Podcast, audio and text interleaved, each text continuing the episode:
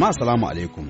Cikin muhimman batutuwan da muka taɓo a shekarar nan ta 2018 akwai batun Malam Aminu Inuwa, wanda aka sari ɗansa a kada manjagara aka kuma lahanta shi, har ta kai ga cewa rabin jikinsa ya daina aiki. Malam Aminu Inuwa dai ya kawo kukansa wannan shiri, inda ya ci alƙalan kotunan da suka saurari ƙaran da ya shigar kan lahanta ɗansa da aka yi ba su yi masa adalci ba.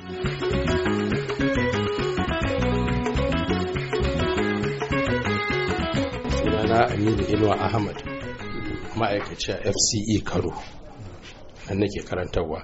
Ina kake zaune? A ɗorai unguwar ɗorai hanyar shekara da ake cewa ƙarshen waya. Nan haka gida na yake. Akwai ɗana sunansa awwal awwal aminu. Da aka sara da manjagara ranar sha shida ga watan march na shekarar 2016 aka sa'arin mun da kuma ya dan na zo ya rasa barinsa na dama hannunsa da kafarsa babu sata babu maita aka masa wannan sarar akan kawai an zage shi an cin yayi sai rama ya rama zagi.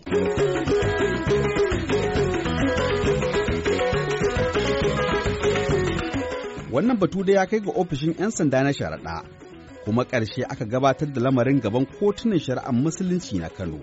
Farawa da kotun da ke ƙofar kudu ta gidan mai martaba sarkin Kano da ta 'yan alluna da kuma babbar kotun shari'ar musulunci da ke bakin kasuwa tsakiyar birnin Kano.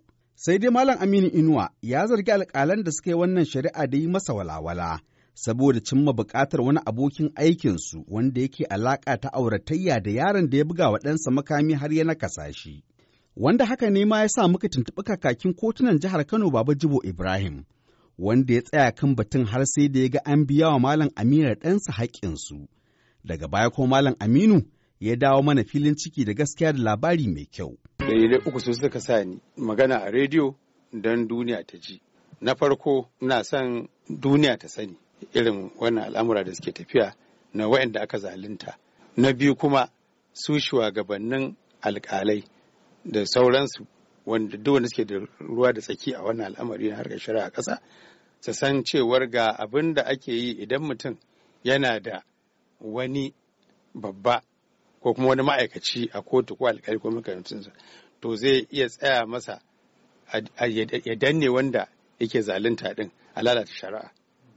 To alhamdulillahi Allah tabbatar min da nasara a wannan saboda dalilin wannan hira da na gidan rediyo maganganu sun fito da nema aka yi ma a danne a musanta ma cewar yaron nan ma ya aikata abin nan. To kotu ta tabbatar da yaron nan ya aikata. To wannan zai zama jan kunne zai zama izina a kan waɗanda suke da irin wannan zuciyar ta su danne wanda aka zalunta saboda sun ga suna da ƙarfi. Za ka iya cewa akwai wani sakamako da za ka iya cewa sanadiyar magana da kai a ciki da gaskiya wato an samu wani sakamako da wataƙila kake tsammani ko kuma a'a? Alhamdulillah ba ƙaramin sakamako ka samu domin ina samun addu'o'i daga wajen wasu ma ba su ma sanni ba ba san su ba. Suke neman lambar waya ta su bugo min. Har daga ƙasar Ghana ma an bugo min. Har daga Kamaru ma an bugo min. Har daga Nijar an bugo min. An bugo min daga ƙasar Togo akan an ji abin da ya samu wannan yaro kaza kaza. Kuma nan cikin gida Najeriya haka jihohi nan ɗaiɗai ne da ba a bugo mu saboda ni tsohon malamin makaranta ne. Saboda mutane da yawa sun san ba ma san su wasu kuma na san sun san mun san juna da su. Saboda haka na ji daɗi da wannan maganar VOA ta buɗa ta tafasa ta. Abin da yake ɓoye ya fito fili duniya ta sani. Saboda haka ni wannan al'amarin ba abin da zan ce sai dan ce alhamdulillah VOA ta yi min komai. Sai godiya.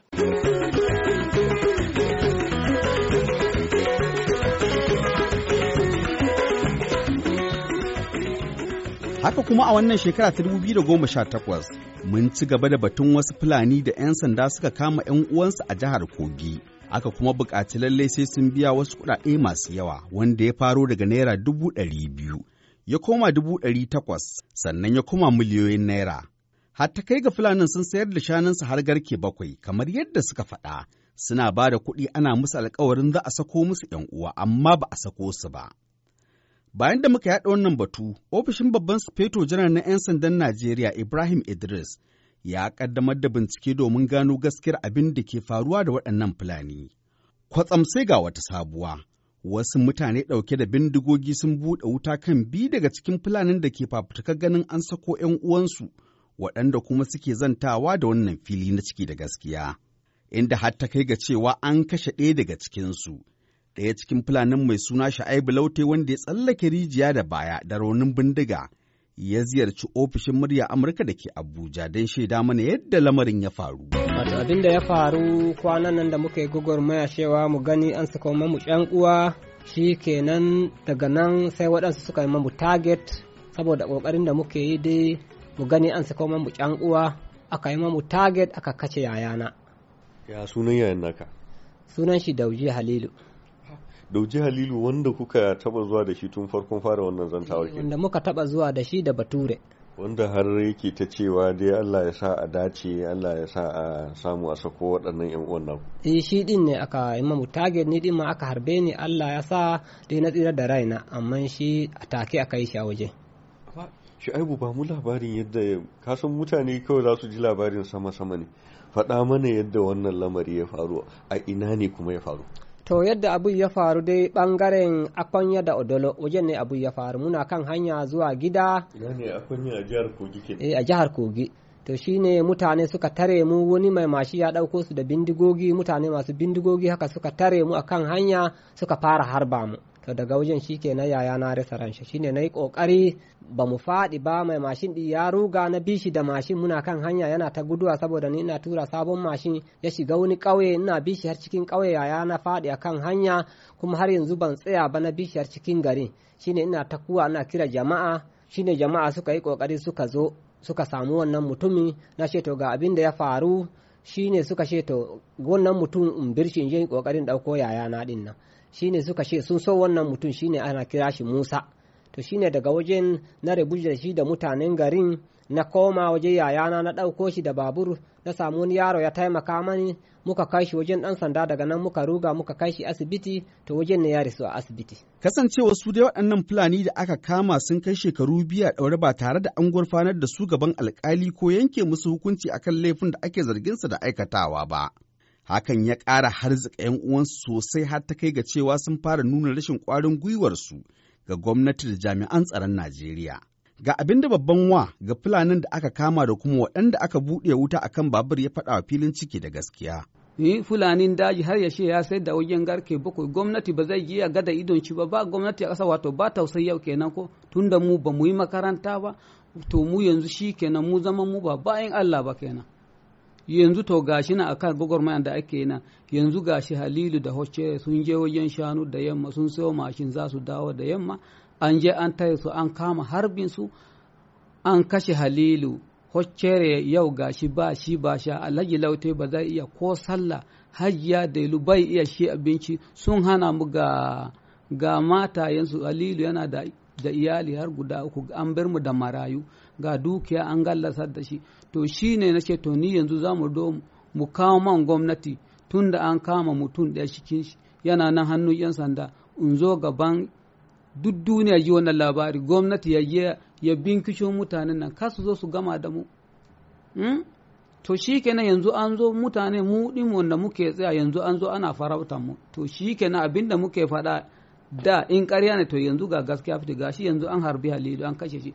Ga hoshiyar an harbe shi bule biya same shi. Allah ya taimake mu da bulen nan shi ma da aka shi gashi yanzu na tare da bulen din to yanzu abin da sa muka gudo muka kawo kukan nan gwamnati don Allah don annabi ya je ya ɗauko maganan na ya kawo shi nan su bincike da kansu su ga in gaskiya ma su gani in karima ai ido ya kori gani ko?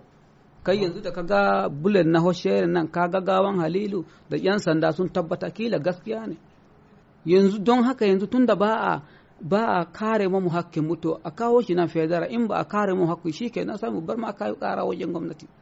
Mu dangantaka Allah. Saboda barnan da ake mu yanzu ya yawa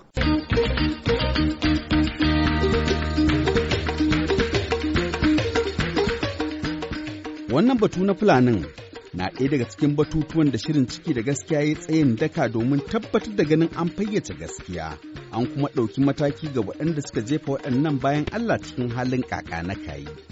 Sai a kasance da mu a mako mai zuwa inda za mu kawo kashi na ƙarshe a wannan waiwaye da muke. yanzu a madadin duk waɗanda aka ji muryoyinsu ciki har da Nasiru Adamel Hikaya da Ibrahim Mahmud Kwari. Nisar fili hashin gumal ke cewa mu kasance lafiya.